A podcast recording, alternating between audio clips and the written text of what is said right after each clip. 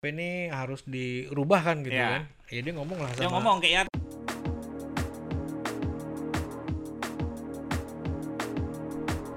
Radio check on 118 decimal 2. This is Soekarno Hatta Air Traffic Control on the air. And go ahead now. Assalamualaikum warahmatullahi wabarakatuh, Mas Izazi. Apa kabar Mas? Sehat Baik. Mas? Alhamdulillah. Alhamdulillah. Gimana eh, selama pandemi corona apa aja nih kegiatannya? Apa ada WFH juga di unit sampean? Eh, ada sih WFA Eh, saya kebetulan memang dapat WFA waktu tanggal 22 Februari ya ya. 22 Februari yang di Hatpen nah kebetulan pas lagi medek di Hatpen kemudian ada berita pilot yang meninggal Ya. padahal bukan tanggal itu tuh Ya ya. eh, medeknya ya karena berita-berita seperti itu akhirnya sama kantor di work from home aja seperti itu. Lumayan tiga minggu. Tiga minggu ya. Iya. tapi sempet di declare positif juga enggak ya? Eh, enggak, enggak, enggak, ya? enggak, alhamdulillah. Enggak sih. Cuman mungkin eh larinya ke ODP ya? ODP ya. ODP Kan. iya sih. Gimana mas? Eh, sampai sebelumnya lulusan? Curug ya? Curug. tahun? Curug tahun 89 89 ya kalau salah. Lama luar ya? biasa. Tua ya? senior sekali rupanya. Tapi udah lahir belum? 89 saya baru baru baru dibuat mas. Baru dibuat saya. iya, iya. baru dibuat. Senior sekali berarti itu di diploma 2 mas ya? Diploma 2 dulu masih masih diploma 2 terus 2 2000 diploma 3 2000 baru diploma 3 penempatan pertama di? Kota pertama di Ketapang Kalimantan Barat. Ketapang Kalimantan Barat. Tujuh tahun setengah. kemudian langsung ke Ponti. Mhm. Ponti tahun 2012 baru pindah ke Jakarta. 2012 pindah Jakarta. Oh itu berarti masih mas transisi juga ya? Karena Hmm, iya, Iya. iya. Pada eh, waktu itu eh, di di Angkasa Pura 2 ya. iya sebelumnya Jadi sebenarnya orientasinya ke kantor pusat Angkasa Pura 2 waktu itu ada divisi ATS kan Iya. di situ. Jadi mau ditempatkan di situ sebagai spesialis Mhm. tahun 2012 tapi kemudian 2012 September eh, keluarlah PP 77 itu kan berubah Oke. menjadi Oh iya, Airnav, ya, Airnav. akhirnya bubar di sana Mhm. milik Airnav. Iya. Jadi 2012 sampai sekarang di Jakarta, ya, Jakarta. sekarang Jakarta. Sekarang menjabat sebagai Kalau di Jakarta Di Jakarta ATFM spesialis. ATM ATFM spesialis ya. Nah, dan juga sampai nih posisi juga sebagai kabit di DPP ya. Di PP Yatka ya. DPP IATKA ya sebagai kombatan juga. Iya. Jadi orang penting juga nih Mas ya. Oke Mas, eh, kita pengen tahu nih program-programnya DPP IATKA dari, dari Humasnya itu apa aja sih selama eh, sampean menduduki jabatan itu kira-kira apa aja nih? Hmm. Tuh. Di kepala bidang humas saya mulai dari tahun 2016 ya. Ya. Periodenya Mas Suwandi 2016 sampai dengan 2019 kemudian kemarin di Munas 7 eh, Mas Sobri yang jadi ketua umum. Kemudian saya diminta lagi untuk masa bakti 2019 2023 kan empat tahun ya. Selain kan Pak sebelumnya kan tiga tahun. Di Munas 7 kemudian kita tetapkan menjadi empat tahun periodenya kan. Ya. Sebenarnya di waktu di tahun 2016 itu saya diminta sama Mas Wandi itu awalnya mau jadi kepala bidang profesional. Iya. Diminta kepala bidang profesional tapi eh, saya menolak waktu itu. Kenapa tuh Mas menolaknya kenapa itu? Oh, karena saya pikir ada yang lebih penting yang harus saya lakukan kan gitu kan. Waktu itu di tahun 2016 kan ya eh, masa-masa itu kan kita masih membangun ya, Mm-mm, masih ya. membangun juga, masih terus membangun. Di tahun 2016 saya punya eh, obsesi gimana caranya ya IATKA lebih dikenal lagi di luar, tapi di dalam juga lebih dikenal lagi Ya. gitu jadi eh, kita menggunakan media sosial yang ada aja waktu itu kita masih pakai Facebook masih pakai Instagram Ya, ya, Kayak ya, gitu, ya. masih pakai media yang Ya, ada ya sosial waktu me- itu ya. sosial media yang ada karena memang periodenya waktu itu ya seperti itu Iya. terus gimana sih caranya supaya IATK ini eh, lebih dikenal saya pengen involve kepada anggota ya. Iya. jadi seluruh anggota tuh tahu gitu. Ya. wah ini ada IATK nih kan gitu kan ada organisasi profesi.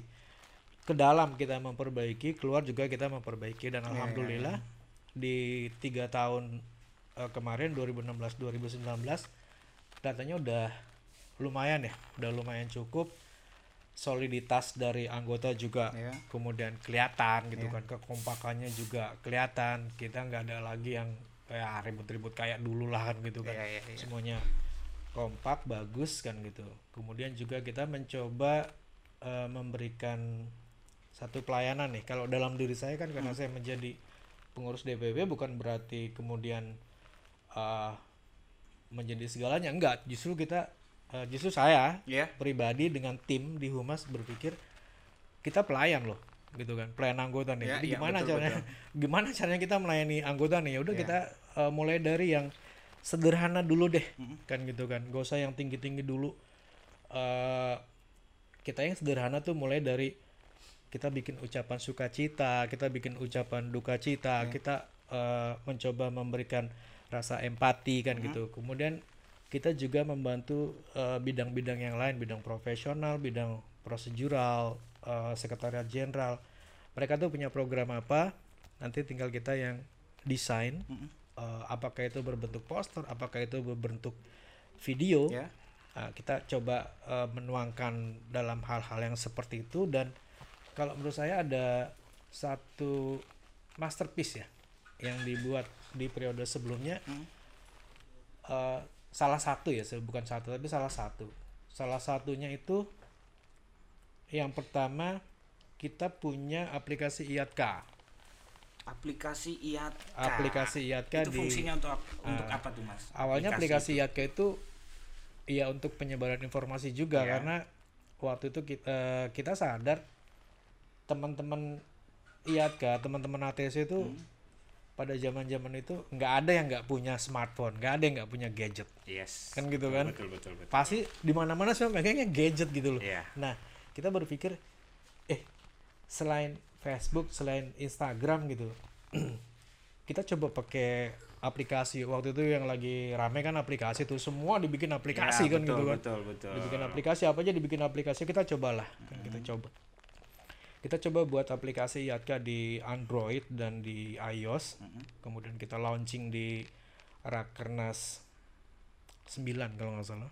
Rakernas 9 Rakernas di, 9 di Jogja. Jogja. di Jogja kita launching di situ kita punya aplikasi tapi masih soft launch ya. Karena waktu itu kita masih eh, develop dari tampilannya segala macamnya. Memang eh, sampai dengan sekarang juga sebenarnya aplikasi itu belum banyak berkembang karena harus ada orang yang dedicated Iya iya. eh, megang aplikasi itu Terus untuk eh, fungsi dari aplikasi itu apa aja sih? Oke, Mencakup fungsi- apa aja sih? fungsi Maksudnya aplikasi apa? itu kita awalnya eh, aplikasi itu ingin kita jadikan eh, satu bank data ya Mhm. dokumen jadi Dokumen, misalkan iya. teman-teman tuh mau melihat eh gua nggak tahu loh anggaran dasar anggaran rumah tangga yang baru di mana Oke, buka aja aplikasi transparansi artinya ya di Iya. situ ada transparansi Iya, ada la- juga ada ya. laporan keuangannya juga Iya. ada di situ. Kemudian juga kita bisa mengenal eh, pengurus-pengurus IATK yang lama tuh siapa-siapa aja sih ya. Eh, ini gunanya cuman untuk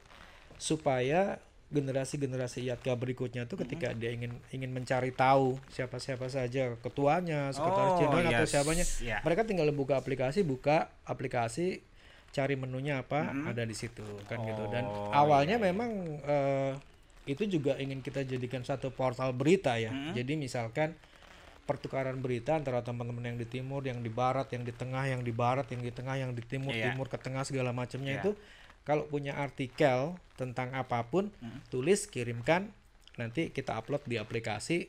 Di aplikasi itu ada notifikasinya memang. iya, iya, Jadi iya. begitu ada berita baru ada notifikasinya kita bisa membuka nih ada berita apa nih kan gitu kan. Oh, Seperti jadi itu. eh, memfasilitasi anggota untuk eh, berkarya juga ya, intinya untuk tulisan-tulisan, kemudian eh, update berita mereka di sana seperti apa kondisi bandaranya, trafficnya itu bisa jadi Iya, masuk ke eh, aplikasi itu juga. segala segala macamnya ya ya kita bisa menggunakan aplikasi itu Iya. kan gitu kan dan waktu itu kami di humas memang membuat admin ad- admin ya Iya. admin di setiap tiap cabang kita pakai admin tapi memang nggak jalan kan gitu kan nggak nggak jalan saya cuma ingin eh, apa supaya semua orang juga mengetahui karena aplikasi Iya, itu iya. nggak cuma untuk anggota aja ah, ah. aplikasi Ntar, itu eh, bisa maaf. untuk umum nggak jalannya itu karena apa nih? Sebetulnya karena apa nih? Eh, Nggak jalannya karena minat dari penulisnya di situ apa seperti apa nih? Atau kurangnya koordinasi antar daerah nih? mungkin karena ini aja ya apa karena kita kurang eh, menekuni ya di aplikasi itu. Karena seperti yang saya bilang tadi aplikasi itu harus ada orang yang dedicated megang 24 jam. Karena aplikasi ini juga sebenarnya dioperasikan by phone aja bisa itu. Iya, iya. kan gitu. jadi teman-teman tuh eh, misalkan dia punya tulisan kirim lewat email kita buka email dari gadget aja kan bisa. Ya. begitu buka email dari gadget kita masukkan ke dalam aplikasi juga bisa. Nah sebenarnya admin-admin itu juga sudah kita berikan otoritas Iya, iya. untuk memasukkan berita apa segala macam sehingga pertukaran berita itu lebih lancar. Kendalanya mungkin lebih kepada ini ya apa itu eh, habit menulis ya. Kan nggak nggak semua ya, orang bisa semua orang, menulis ya, kan gitu iya, kan nggak iya, semua iya, orang bisa. itu juga kita eh, waktu itu kami pikirkan juga dari DPP nggak nggak mudah loh menulis. Oke lah kalau memang nggak mudah gimana caranya? Kita Hmm. buat waktu itu pelatihan jurnalistik Oh iya, Nah, ya kan? dengar saya. Nah. betul betul. kita kita melakukan pelatihan jurnalistik juga untuk eh, stepstone batu Hmm. loncatan kita akan menerbitkan majalah nih Iya. kan gitu ya nggak berharap banyak sebenarnya eh, dari yang ikut pelatihan jurnalistik kemudian dia bisa menjadi penulis semua enggak memang kita nggak nggak Hmm. apa harapan kita nggak sampai eh, terlalu besar ke sana supaya kita nggak kecewa kan gitu kan Iya, ya iya, paling iya. nggak dari 40 peserta tuh ada 10 aja udah bagus kan gitu Iya. kan dan kebetulan memang ada beberapa yang mengikuti pelatihan jurnalistik itu sekarang juga sudah menulis di di majalah tuh Tapi itu un- untuk aplikasi eh, berjalan nih sampai sekarang nih. Aplikasi Update masih terus ada. untuk eh, apa Eh, namanya? update enggak? tulisan-tulisannya. Enggak, enggak, enggak karena eh, adminnya juga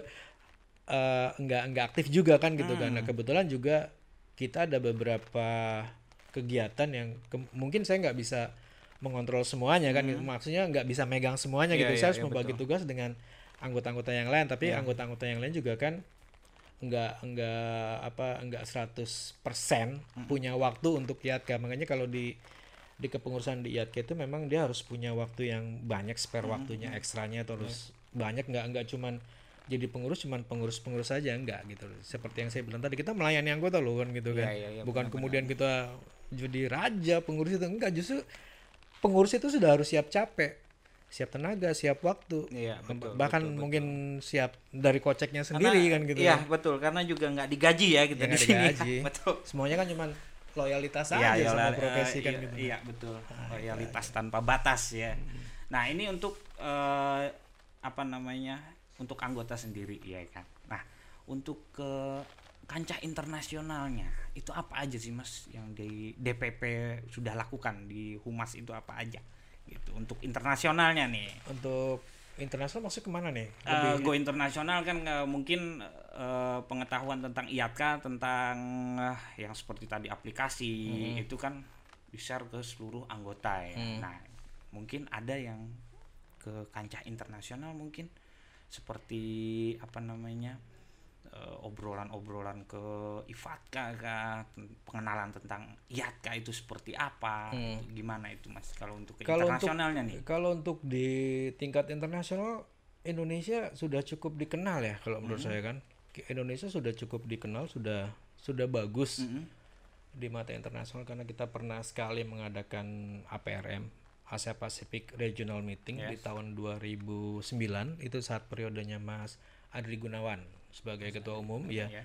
uh, appreciate sama beliau karena uh, beliaulah yang membuka pertama kali IATKA itu dikenal di internasional setelah zamannya Oh, Mas yes. Ibnu ya ketua pertama. Ya. mere- uh, yang Mas Ibnu mendaftarkan uh, IATKA ke IFATKA Mas Ibnu kemudian ada sekjennya sekjennya Mas Ibnu kemudian ada Pak almarhum Pak Yadi Supriyadi juga mereka berjuang di di sana jadi itu dikenal pertama kali IATKA mendaftar ya berikutnya step berikutnya di tahun 2009 Mas Andri Gunawan waktu jadi ketua umumnya dia membuat satu APRM Iya. pertama kali kita melakukan eh, kegiatan internasional di tingkat Asia Pasifik sebagai host tahun 2009 kemudian tahun 2013 Iya.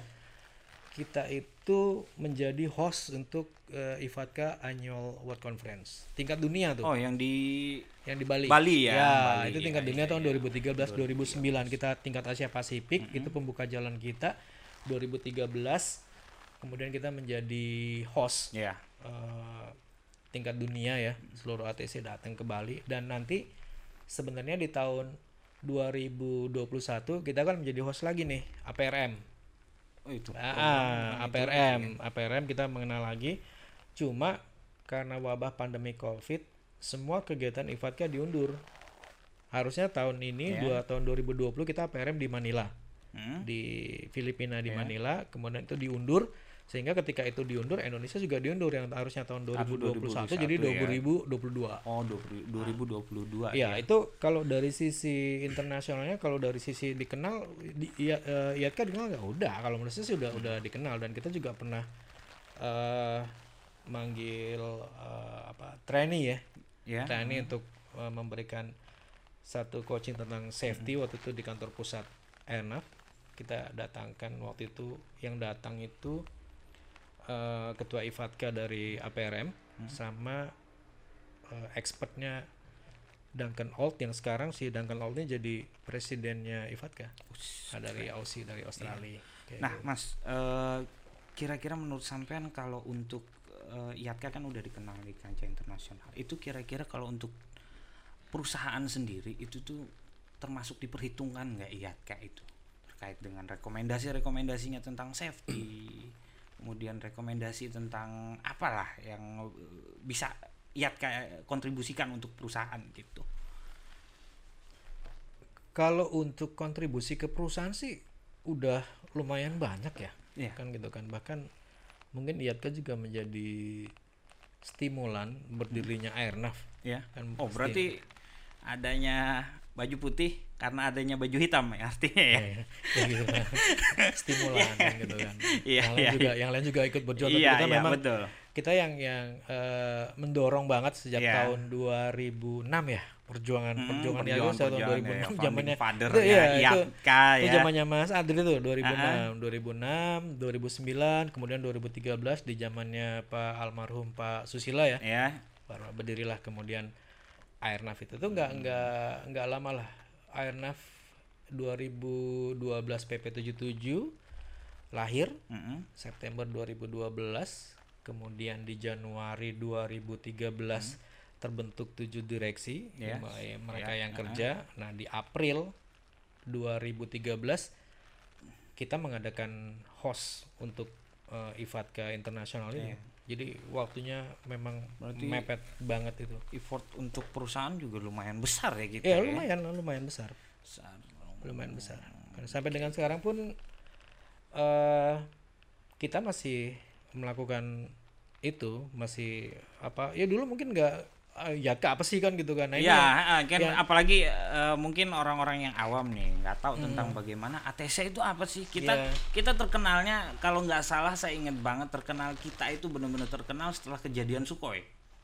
ya, sup- Ya, nah itu Sukhoi, kemudian ada eh, kalau nggak salah Air Asia. Hmm. Nah itu baru naik. Masa ATC cuma dikenal seba eh, pada saat buruknya saja Iya. gitu loh. Itu sangat memprihatinkan buat saya. Padahal dia punya import besar untuk Indonesia lah khususnya gitu. ya kalau kalau itu kan terkait dengan media juga ya Iya, Gitu. betul. Ju- justru itu kemudian eh, saya pengen IATKA dikenal juga nggak cuma dari jeleknya kan gitu tapi Iya, iya, sebenarnya betul. kita kerja tuh memang nggak dilihat sama orang sih kan Ya, gitu. eh, bi- Ya? di balik di balik layar tahu-tahu pesawat landing, pesawat take off gitu Ya, ya, tahu, kan? taunya kan orang ketika Safety, dia gitu. ketika naik naik eh, pesawat ya atau berangkat ya dari satu Iya. bandar ke bandara ini mereka kan taunya saya dibawa sama pilot. Iya, betul. Padahal dari mulai eh, request menyalakan mesin, Iya, kemudian betul. jalan Nah, di itu tuh itu itu juga mungkin salah satu tugas eh, tugas humas ya mas ya untuk memperkenalkan ke masyarakat awam ya kan? Nah seperti itu. Mungkin kalau untuk eh, ke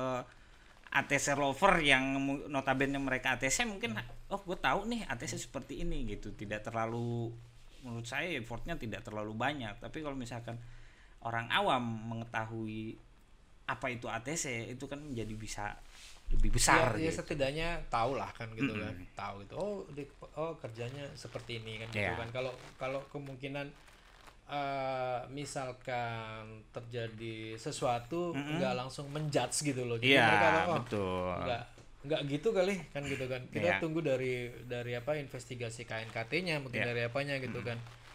Kita lihat dari situnya aja dulu. Jadi eh, keinginan kami juga seperti itu nggak langsung menjudge oh ATC ini yang salah kan gitu kan. Ya, Oh, kebanyakan sebenarnya- waktu, waktu sosial media terkait dengan Goron ya, kalau nggak salah itu juga viral juga, Iya, gitu. Ta- Tapi kan ada beberapa orang yang mendadak jadi ahli penerbangan, gitu loh. Nah itu tuh eh, sebetulnya kita berharap ada peran IATKA di situ, gitu loh. Humas nih mana nih untuk menjelaskan nih apa yang terjadi, seperti apa, gitu. kadang eh, kita juga memilih ya banyak banyak yang berita-berita misalnya di media gitu oh, Ya. goron segala macam kita juga milih ini beritanya nih berita yang memang cuman untuk pansos dari si medianya Ya. kan gitu kan. Dia cari rating aja atau gimana. Nah, jadi ya, kita juga memilih.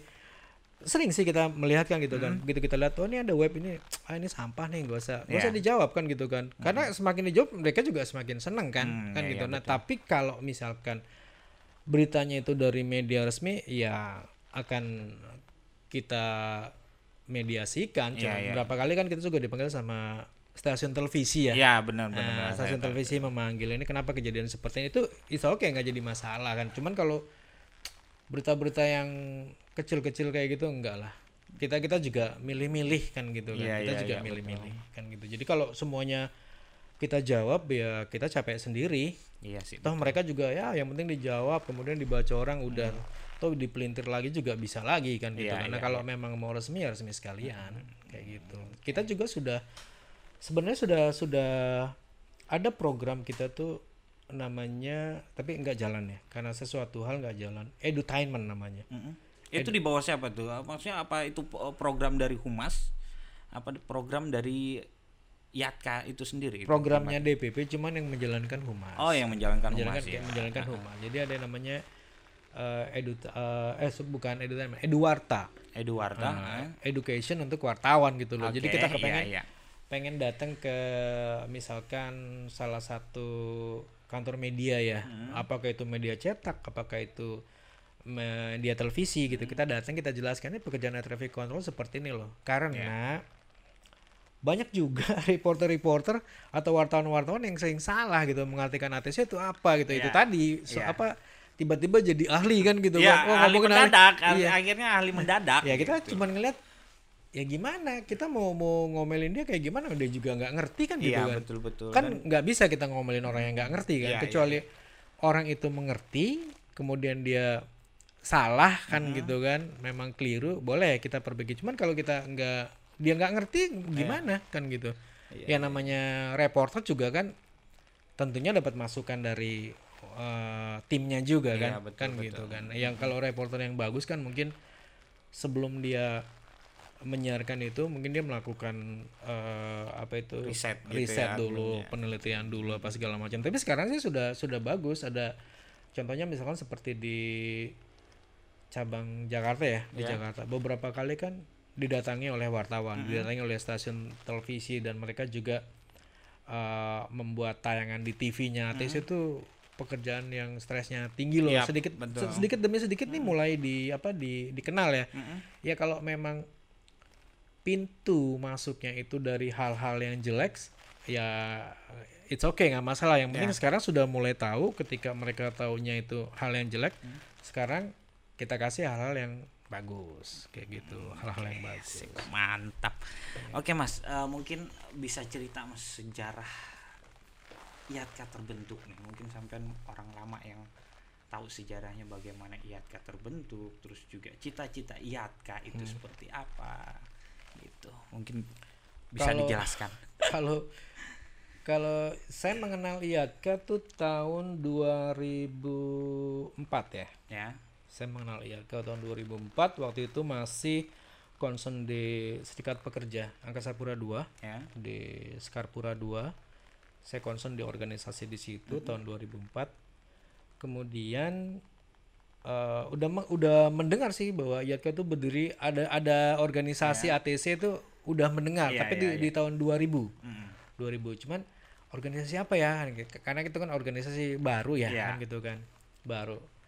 Eh, kita hanya mengenal paguyuban paguyuban itu ada iya, paguyuban, paguyuban ATC inilah himpunan apa himpunan, segala himpunan. macam ya banyak lah gitu. Kemudian IATKA di tahun 2004 baru kenal eh, kemudian jadi pengurus DPC di Pontianak jadi sekretaris cabang 2006 bela- eh 2006 ikut munas ikut munas ketiga. Munas ketiga ya. Nah, ikut munas ketiga. IATKA waktu itu Mas Adi Gunawan terpilih lagi untuk periode ketiga ya. Mhm. untuk periode ketiga 2006 2009 baru tuh mulai tahu saya berpikir ih saya cari duitnya di sini nih gitu. Jadi ATC kan Iya, gitu iya, kan. iya.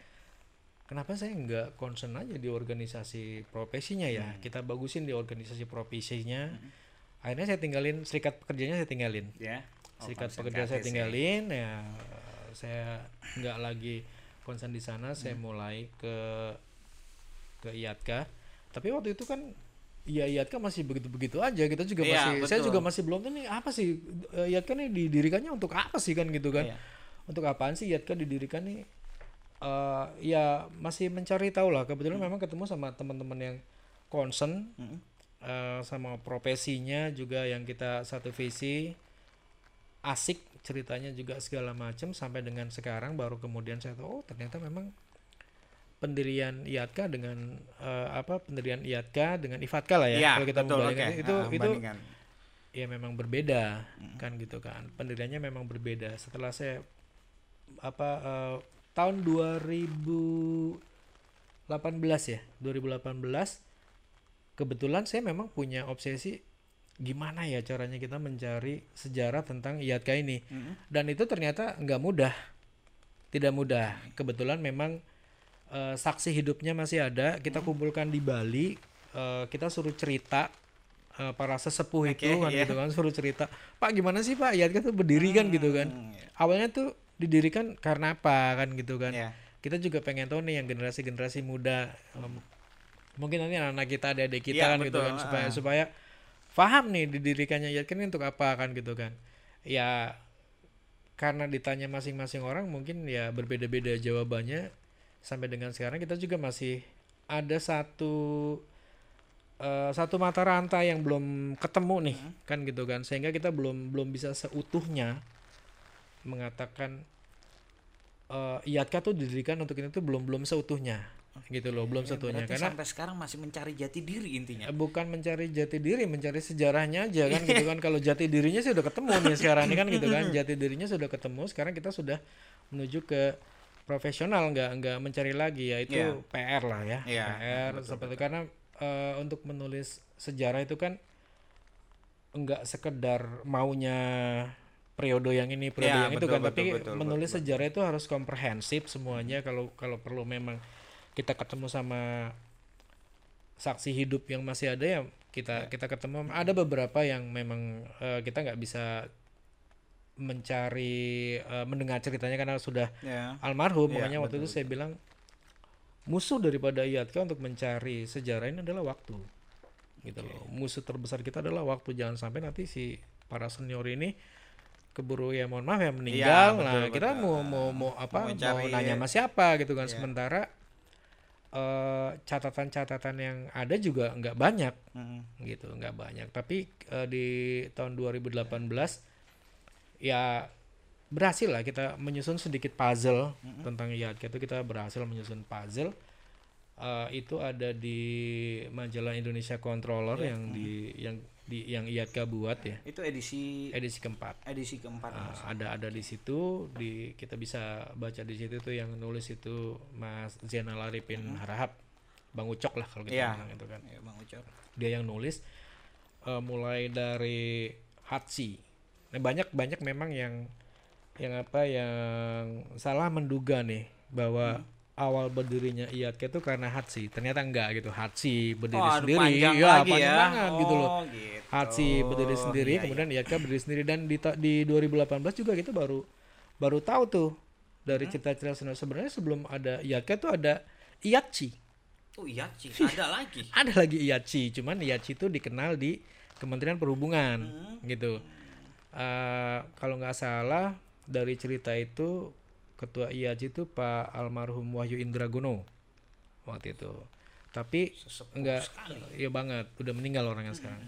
Tapi nggak lama kemudian baru muncullah eh, IATK Hmm, gitu karena IATK ini kan eh, munculnya IATK juga mungkin eh, ide dari dari banyak orang ya Iya. kan gitu kan tapi yang jelas ada sekjen yang pertama itu yang yang memang dia juga stimulan berdirinya IATK yang kemudian kita bisa deklarasikan di tanggal 29 Juli 29 Juli ya. 1999 di Hotel Patra Jasa itu mulai mulai mulailah IATK Mulai tuh ya. Mulai- cuma mulai waktu itu kan ya baru berdiri ya Iya. organisasi itu baru berdiri mungkin masih membangun lah kalau menurut saya gitu Ya. kan Dan Masih itu sudah termasuk juga cita-cita IATK itu di situ udah udah dirumuskan juga mas. Iya sebenarnya ada di dirumuskan di situ cita-cita IATK itu. Ya setidaknya dari sisi profesionalitas itu juga di, ditingkatkan ya. Iya. dari sisi profesor supaya kita lebih dikenal lagi kan seperti itu. Dan sampai sekarang juga kita masih eh, mengedepankan itu mengedepankan profesionalitas. Hmm, Berarti kalau untuk IATK tidak ada hubungannya juga berarti dengan haji itu Enggak, itu enggak. nggak ada ya berarti terpisah sendirinya berarti ya itu berarti ber- eh, bentukan-bentukan eh, angkatan angkatan angkatan sampean ya oh, mungkin enggak ya. mungkin senior saya itu senior senior Ah, juga senior, ya senior. oh begitu Ya kalau mendengar mendengar cerita langsung dari salsa hidupnya seru sih. Hmm. Seru banget karena waktu itu kan Hatsi berdiri nggak lama karena kemudian eh, ada sesuatu hal lah dengan dengan pemerintah ya, Iya. dengan regulator. Kemudian Hatsi bubar, Mm-mm. Eh, Hatsi bubar ya zaman-zaman orde baru lah waktu itu kan Iya, iya, masih ngeri-ngeri juga apalagi pegawai negeri itu pokoknya nggak boleh punya organisasi selain korpri kebetulan waktu itu kita kan masih PNS Iya. ya kan masih PNS jadi ya ngeri-ngeri sedap juga kalau ingin mendirikan satu organisasi Hmm. profesi tapi waktu itu ada yang bisa meyakinkan eh, Dirjen Perhubungan Udara dan kemudian jadilah IATK berarti IATK itu udah ada izin di ini mas? Di kepemerintahan sudah nah ada ini izin? dia. Eh, ini juga salah satu yang kita cari ya. Iya. pada saat kita wawancara eh, senior-senior itu katanya sudah didaftarkan di waktu itu masih Kementerian Dalam Negeri ya. Hmm. Kementerian Dalam Negeri bidang sosial atau apa kan gitu kan sudah didaftarkan. Tapi kita nggak nggak ketemu nih bukti otentiknya Iya, iya, gitu kan. bukti otentiknya kita nggak ketemu. Eh, yang kita tahu itu ada keputusan dari Kementerian Perhubungan nomor 142 tahun 2000 yang eh, kemudian melegalisasi IATK itu sebagai organisasi Oh berarti profesi. hanya dari Me- Kementerian Perhubungan Iya, ya melegalisasinya itu. Iya. Tapi kalau untuk yang ke apa namanya ke daftar akte Belum. itu belum. ya? Belum, belum. Tapi ada program ke sana juga mas. Untuk di tahun ini ada. Ada. Iya. Kita ingin ingin membuat satu akte pendirian ya. Mm-mm. Kan gitu kan supaya dengan akte pendirian juga ada legalitas, kemudian kita juga punya NPWP di dalam anggaran dasar kita juga kita juga boleh berusaha Ya. dengan cara yang legal. Tentunya kalau kita usaha ya kita kan harus terdaftar sebagai wajib pajak. Iya, gitu kan. Nah kalau kita mau daftar NPWP organisasi nggak punya akte kan susah juga. Iya, ada eh, apa usaha bukan usaha sih memang la- memang lagi di mencoba didaftarkan. Gitu.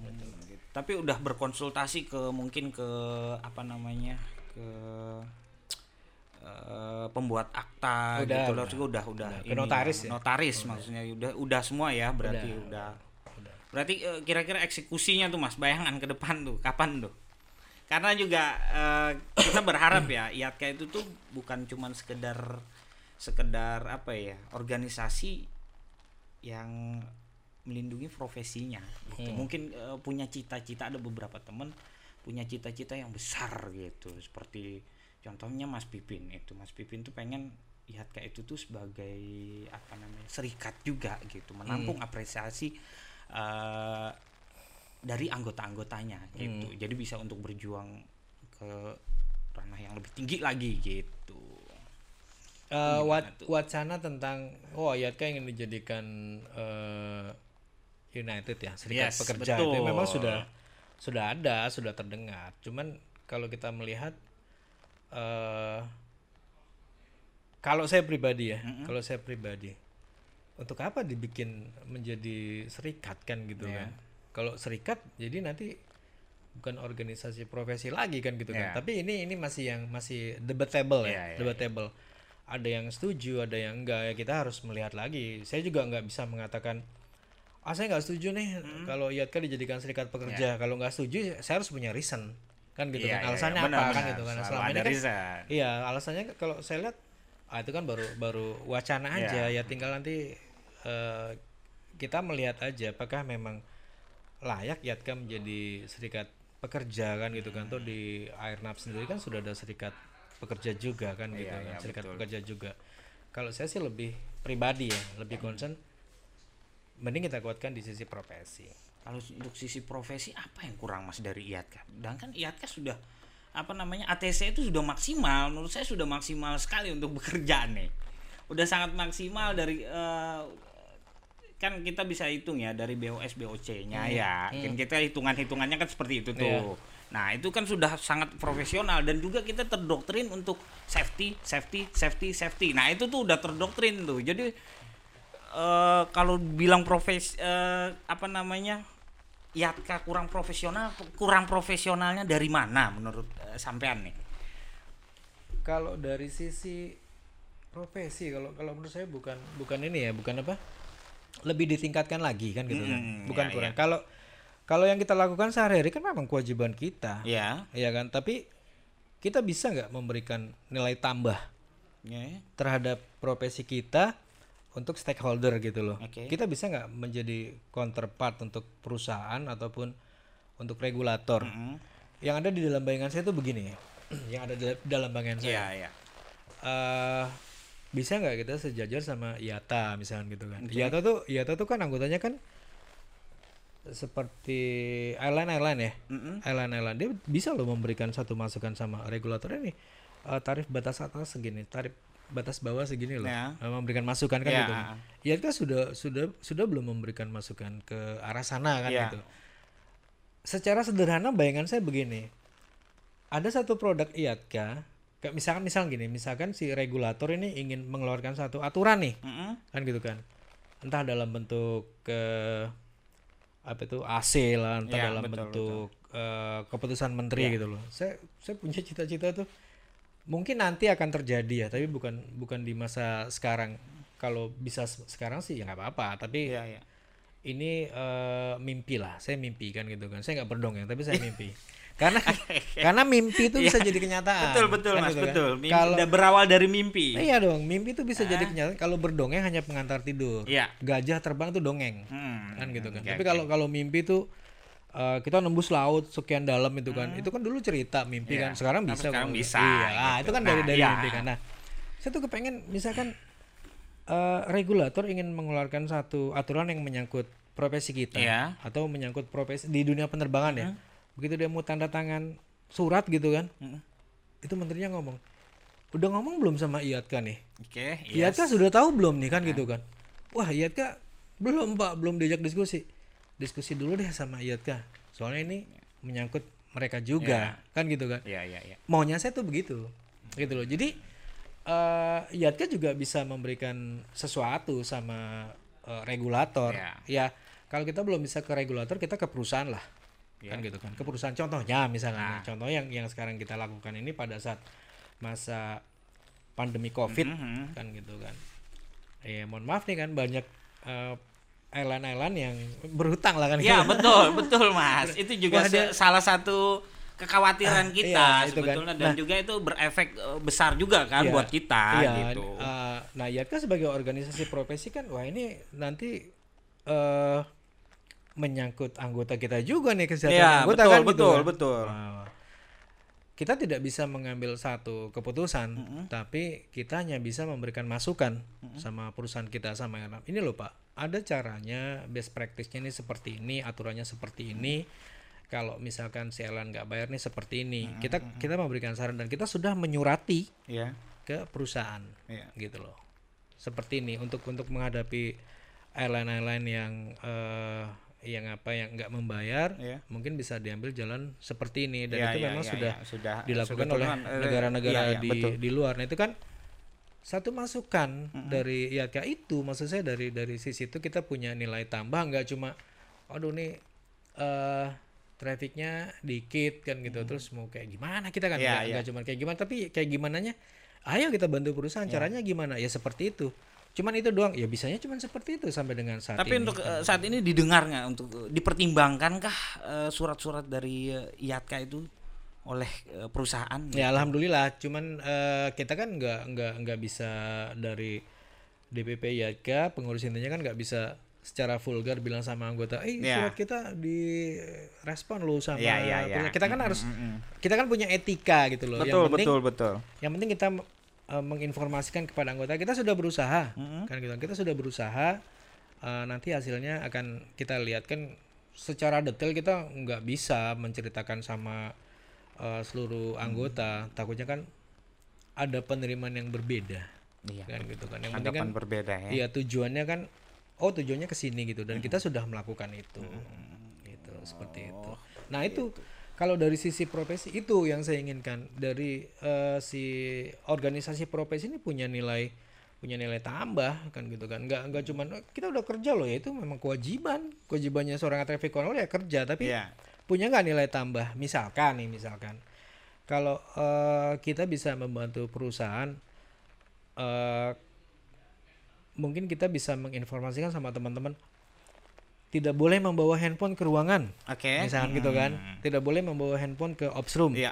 itu kan membantu tuh dari Iya. sisi profesi kita Iya. mengingatkan kan gitu kan atau mungkin kita bisa membuat dari eh, di kalau di cabang-cabang yang besar mungkin mereka bisa membuat eh, seksi lead bank Iya. kan gitu kan dari sisi profesional dari sisi proseduralnya bisa mereka membuat satu kajian sendiri berapa banyak sih BOC yang dilakukan oleh anggota kita nih Oke. cabang maksudnya Iya, gitu kan iya, anggota cabang berapa banyak sih sebab-sebabnya apa Mm, mm, kan mm. gitu Oke, kan. oke. ah, bisa paham, bisa paham. mencari sendiri nah ketika itu sudah ada kita bisa bantu sama perusahaan bos kita eh, ternyata kalau dari sisi IATKA-nya ini kita ngeliat ada banyak BOC ada banyak BOS Hmm. seperti ini eh, disebabkan karena ini kan Hmm. sebenarnya dari dari Direktorat Safety Aircraft juga kan sekarang sudah mulai eh, meyakinkan kita kemarin Ya. ada ada webinar tentang pergantian Per 03 tentang K2S eh, tentang safety kan gitu kan Hmm. safety, bahwa ya.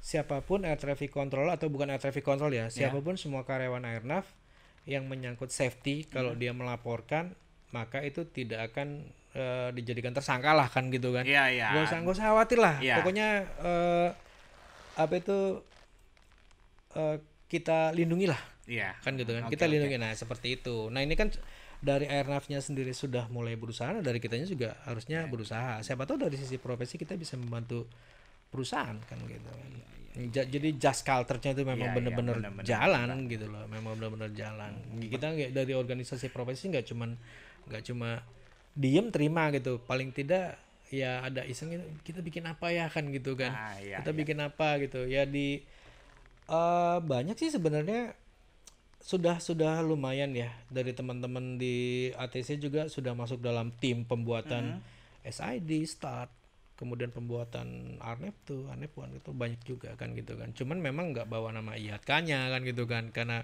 itu pekerjaan kantor seperti yang saya Iya, bilang tadi. Tapi kan setidaknya ada anggota IATK di situ nah itu dari sisi profesi itu itu yang Nah, yang kenapa harus Mas? eh, maaf nih, motong. Kenapa kalau setiap kerjaan yang terkait dengan ATC tidak membawa brand IATKA padahal kan itu bagus. Artinya kita punya nilai plus juga nih IATKA berkontribusi untuk membangun perusahaan dari segi prosedur. Mm. Ya kan itu bagus banget tuh brand banget eh, apa namanya IATKA banget gitu loh. Ya, kalau bisa- harus, kalau harus bisa sih- diselegat IATKA-nya gitu. Bu- loh. bukan diserigat IATKA-nya kalau bisa sih eh apa IATKA punya punya kajian tersendiri walaupun Ya. sebenarnya yang buat juga ya itu itu juga kan Iya, gitu betul, kan betul, betul. itu itu juga sehingga nantinya ada portofolio dari kita ya kan gitu ada portofolio cuma itu kembali kepada orangnya kan gitu kan apakah dia mau memakai nama organisasi atau mau memakai namanya sendiri kan kita juga Ya. nggak nggak nggak tahu juga Nah, kan itu gitu kan nggak tahu juga Eh, kita berharap ada brand IATKA-nya di situ Hmm. dan juga mungkin dari IATKA itu memanage orang-orangnya untuk membuat kajian misalkan misalkan Hmm. dari direktorat mana butuh ah gue nih butuh orang nih buat bikin kajian Hmm. tentang SOP Hmm. Lalu harus ngomong sama IATKA gitu. Jadi IATKA lah yang akan menyumbangkan satu nama. Ini buat eh, ini bantu di eh, prosedur. Nah, maunya- nah itu seperti mau- itu.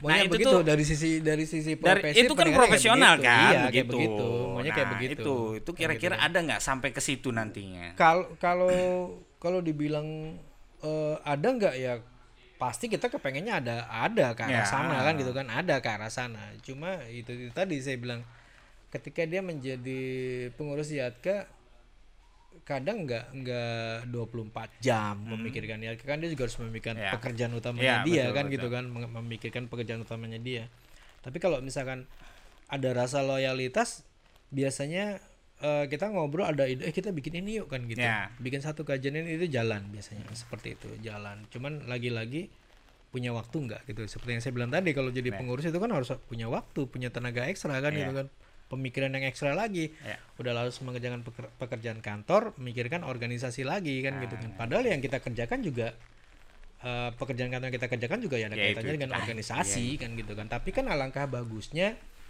eh kalau ada produk dari IATK-nya sendiri. Gitu. ya itu maksud saya. Mungkin produk eh, terkait dengan SOP ya gitu. Mm. nah itu. Ya kena- kenapa enggak kan gitu kan. Kalau misalkan dari dari pengurus cabangnya ih kayaknya eh, SOP ini harus dirubah kan gitu Ya. kan. Ya dia ngomong lah sama dia ngomong ke IATKA Iya, gitu eh, loh iya "Ini kan, nih iya. perlu, nih Ah, gitu kayak, kayak itu gitu kan kan gitu. seperti itu itu Iya. profesionalisme Nah, itu kan kembali lagi kepada si personilnya Iya. kan gitu kan. Mau nggak dia? Kalau saya sih melihat eh seperti itu. Gitu. radio check all station break